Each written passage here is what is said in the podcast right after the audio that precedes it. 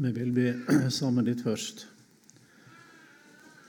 Takk, Jesus, for enda en anledning til å samles om ditt ord og høre ditt ord.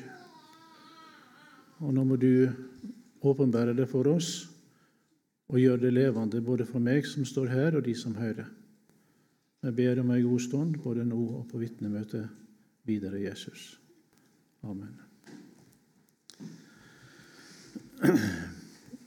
Vi skal lese en tekst fra Markus 6.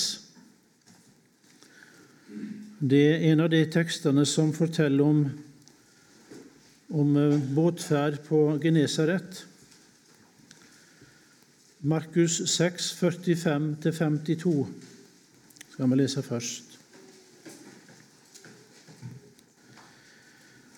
Han nøyde straks læresvennene til å gå i båten og fare i førevegen over til hi side av sjøen, til Betsaida, medan han sjøl sendte folket av stad. Og da han hadde tatt farvel med dem, gikk han opp i fjellet for å be. Da kvelden kom, var båten midt ute på sjøen, og han var alene på land. Han så at de sleit hardt med å ro, for de hadde vinden imot. I den fjerde nattevakta kom han gående bortimot dem på sjøen og ville gå framom dem. Men da de fikk se han der han gikk på sjøen, trodde de at det var et skrømt, og sett i et skrik. For de så han alle og ble gripen av skrekk.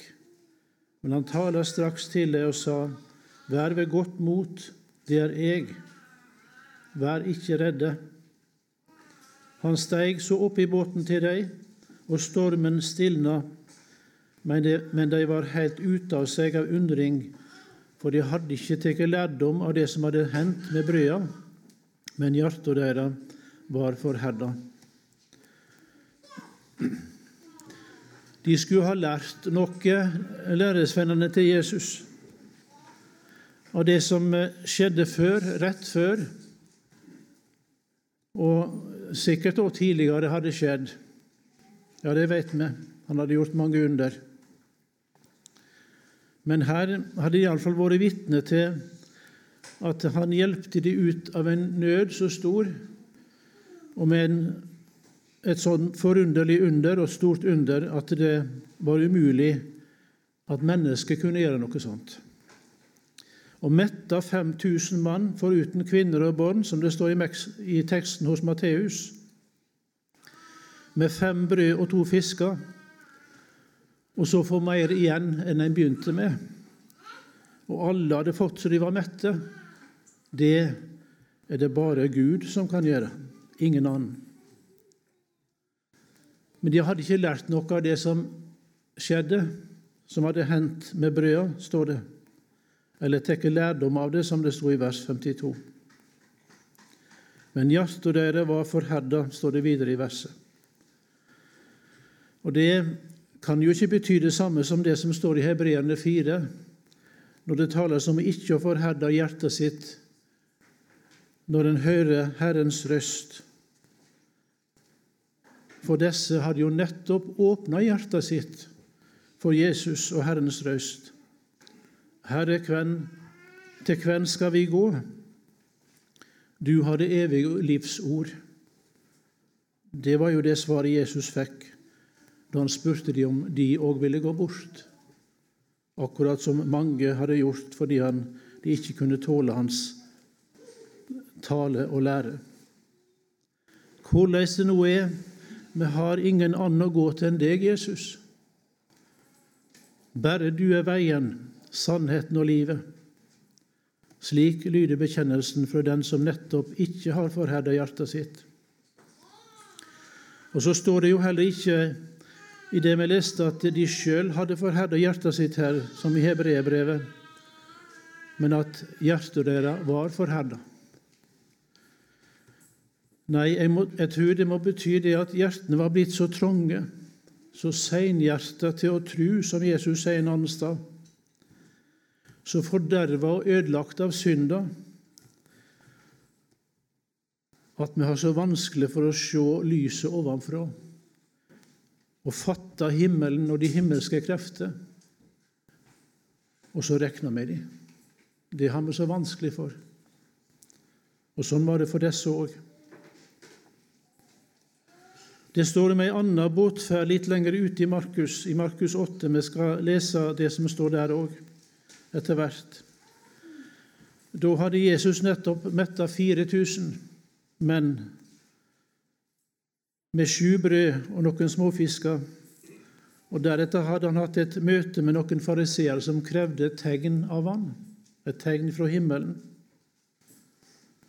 Og så gikk det med det brødunderet som i Markus 6. Alle ble mette, og det ble mye til overs. Sju korger fulle, står det. Men på båtturen over Genesaret blir læresvennene igjen så beklemt av nøden i det timelige og opptattheten av den. De tror at Jesus taler om brød for legeme når han taler om å ta seg i vare for surdeigen åt fariseerne og Herodes. For de tenker at han snakker om at de har glemt å ta brød med seg.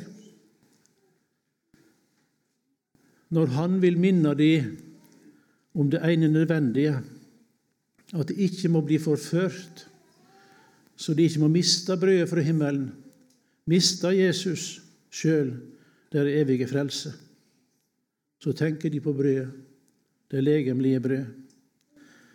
Vi skal lese de versene fra 13 til 21 i Markus 8. Og han gikk fra dem, han steig i båten att og for over til hi sida. Men de hadde glemt å ta brød med, og hadde bare ett eneste brød med seg i båten. Da bød han dem og sa, sjå til at de tek dykk i vare for surdeigen åt fariseerne og surdeigen åt Herodes.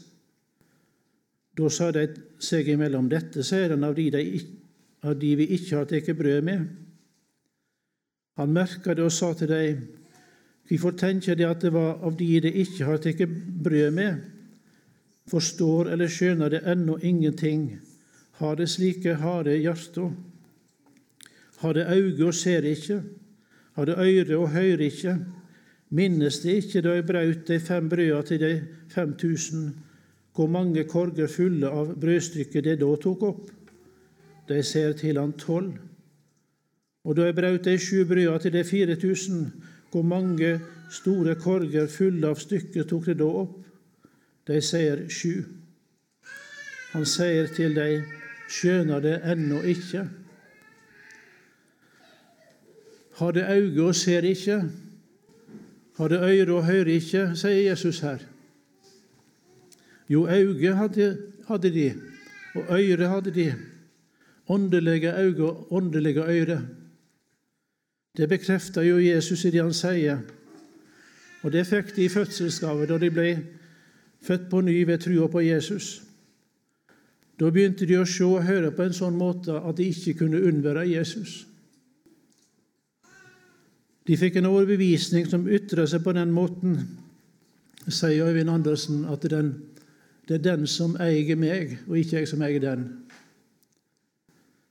Slik var det blitt for dem. Det ble sånn for de, som jeg tror det står i en sang, men for all den ting jeg visste, kan jeg ei min Jesus miste. Og det er ikke bare det gode jeg visste det, eller kunne få vite, eller all verdens herligdom og glans, om du vil. Nei, det betyr nøden òg. For all den nød jeg visste, kan jeg ei min Jesus miste også stormen på livets hav. Da når vi begynner å se på bølgene, så begynner vi, så vi begynner å søkke og tenke at alt håp er ute. Da òg gjelder det for den som har fått øyne å se med og ører å høre med. Men for all den ting jeg visste, kan jeg ei min Jesus miste. Men det er altså det at trua på og tilliten til Frelseren er så skrøpelig og blir liksom borte når, leter, når det leter på som verst. Når stormen kommer innover livet vårt. Da er det som å ha glemt at Han så mange ganger har hjulpet før. Minnes det ikke, spør Jesus. læresvennen i Markus 8. Og det er vel nettopp det som er saken. Vi minnes ikke det som Jesus gjorde den og den gangen. Eller verken det vi har erfart av hjelp og Guds mange løfter, de når liksom ikke inn når det bryter på som mest. Vi ser på bølgene, og så begynner vi å søke. Men så godt det er da å vite at han som nok gleder seg over ei stor tru, og som gjerne ser den hos sine, og som vemodig, men mildt refser den svake trua. Han hjelper alltid den svake trua, eller den som har fått øyne å se med og ører å høre med, og likevel ikke ser og likevel ikke hører. Peter gikk ikke unna om han begynte å se på bølgene. Nei, Jesus rekte straks ut handa da han ropte om frelse, og frelste han, berga han. Denne ferden over Genesaret den går det vel an å se på som et bilde, bilde på vår livsseilas mot det lova landet over til hi side av sjøen, som det står i vers 45. Og Når det da står at han nøydde straks læresvennen til å gå i båten og fare i førevegen over til hi side av sjøen, så forteller det, syns jeg for det ene, at vi ikke så gjerne velger eller vil fare den veien som vi må fare for å nå himmel, himmelens strand. Han må nøde oss til å gå. Ellers ville vi ikke ha gått den veien som fører fram. Vi ville ha valgt noe lettere, noe mer behagelig, og dermed ganske sikkert noe mer farlig for vårt åndelige liv. For læresvennene smakte nok mye bedre å få fortsatt være sammen med Jesus på Tabors høgde, slik de sikkert kjente det etter dette store underet han hadde gjort for, de, for øynene deres og folket sine øyne. Det var mye bedre å være der, men han nødde de til å gå i båten. For det andre så er det godt å se at det er Jesus som velger veien for sine. Det er han som kjenner skjærene, og som veit hvor den trygge skipsleia går for den enkelte truende. Som et Guds barn er en ikke i tilfeldighetenes vold og ikke i den vondes vold, men under den gode hyrdes ledelse og omsorg. Også da når man må nøde oss til å gå i båten og ut i stormen. For Jesus visste jo at byljene kom til å gå høyt, og at de kom til å få vinden imot, og at de kom til å måtte slite hardt med å ro. Og det er noe han vil lære sine gjennom stormen eller nøden. Han vil at vi skal ta lærdom av den og gjennom den. Det som læresvennen ikke hadde gjort, altså, etter brødunderet.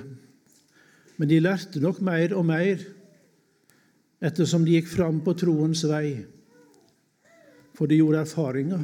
Det står om det i Romerne 5 at vi skal få rosa oss av trengslene òg, for vi veit at trengsler verker tålmod. Tålmodet verker et prøvd sinn, og det prøvde sinnet håp. Og håpet gjør ikke til skamme, for Guds kjærlighet er utrenner i hjertet våre ved Den hellige Ande som ble gjeven til oss. Det er noe han vil lære sine, og lære oss gjennom nøden. Og det kan nok sikkert være ulikt for den enkelte, for vi trenger litt forskjellige ting. Det er ikke likt med oss. Men det står iallfall i Hebreerne 12 om at den Herren elska, den tukte han, og han hudfletta hver sånn som han tar seg av. Og Lenger ute i kapittelet står det at han tukta til vårt gagn, så vi skal få del i Hans hellighet. Og I vers 11 i kapittel 12 leser vi all tukt synes når nok når hun står på, ikke å være til glede, men til sorg, men siden gjev hun dei som har blitt oppøvde gjennom dette, rettferds selefrukt. Stormen, eller tukten som den vel òg kan kalles, gir håp som ikke gjør til skamme. For vi får erfare at ingen nød er så stor at ikke Jesus rår med den, eller veit råd. Enten så stiller han stormen i et øyeblikk, og det skjedde her når Jesus kom opp i båten. Da ble det blikkene stilt. Eller så gir han kraft til å bære smerten, den Guds fred som overgår all forstand, så en kan fortsatt være i trengselen og i kampen.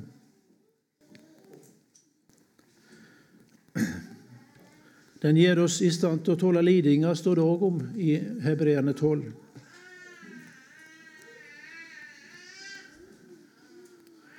Den gir altså håp, og den gir helliggjørelse.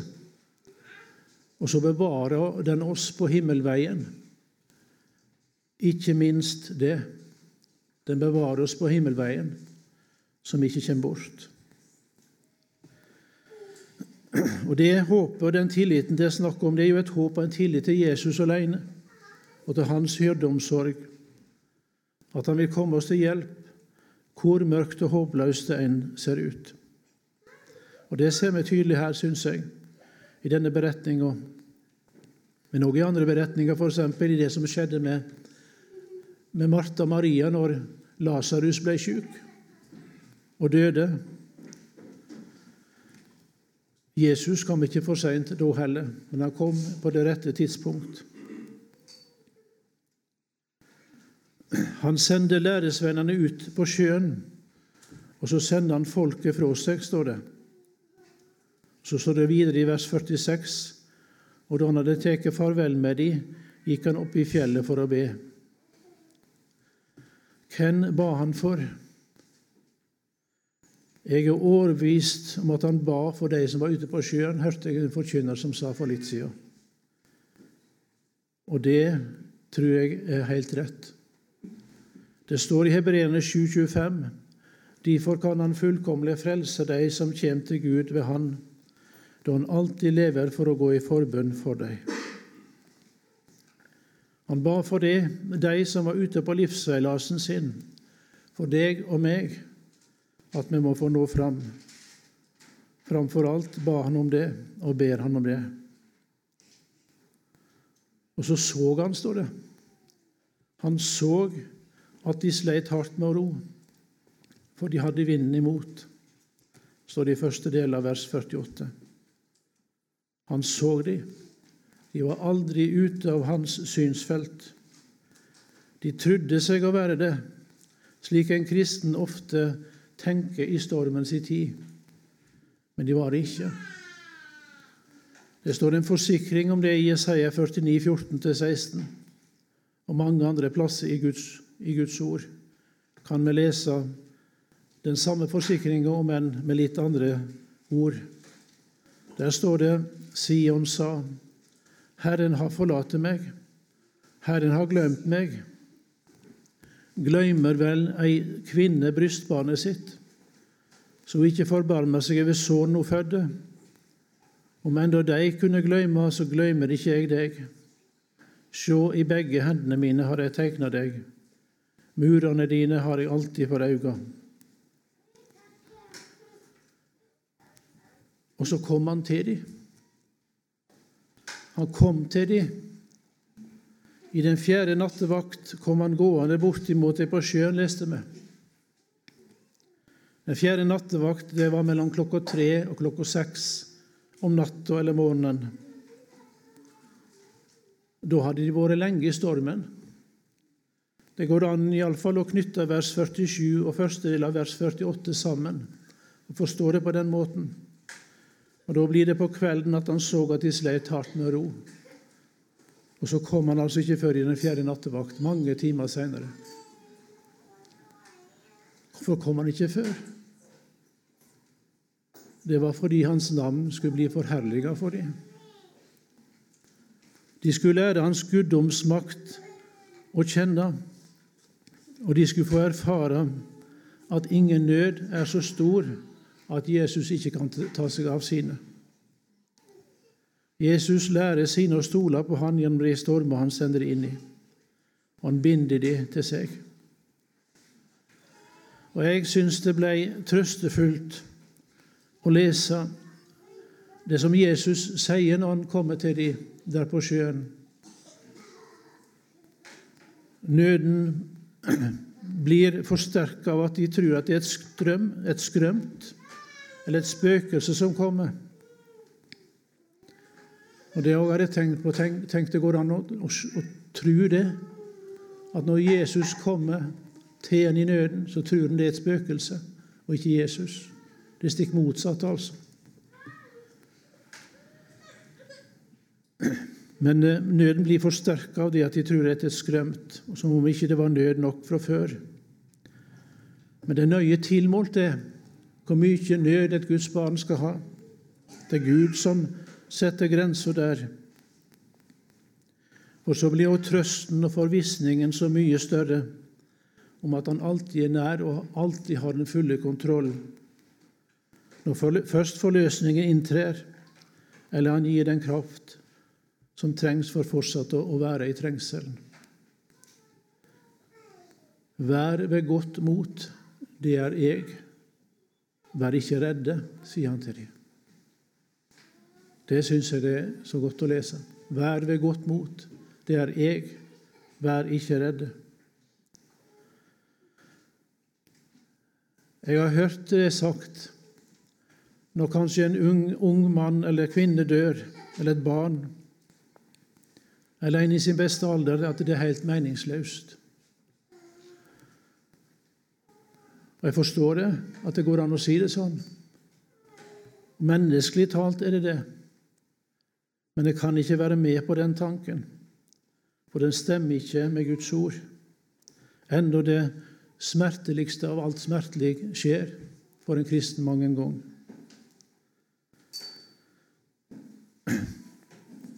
Å si at det er meningsløst, det er å sette Gud av trona. At det er uforståelig at det blir mange ubesvarte spørsmål, det er sant. Men at noe i det hele er meningsløst for et Guds barn, det er ikke sant. For det stemmer ikke med Skriften.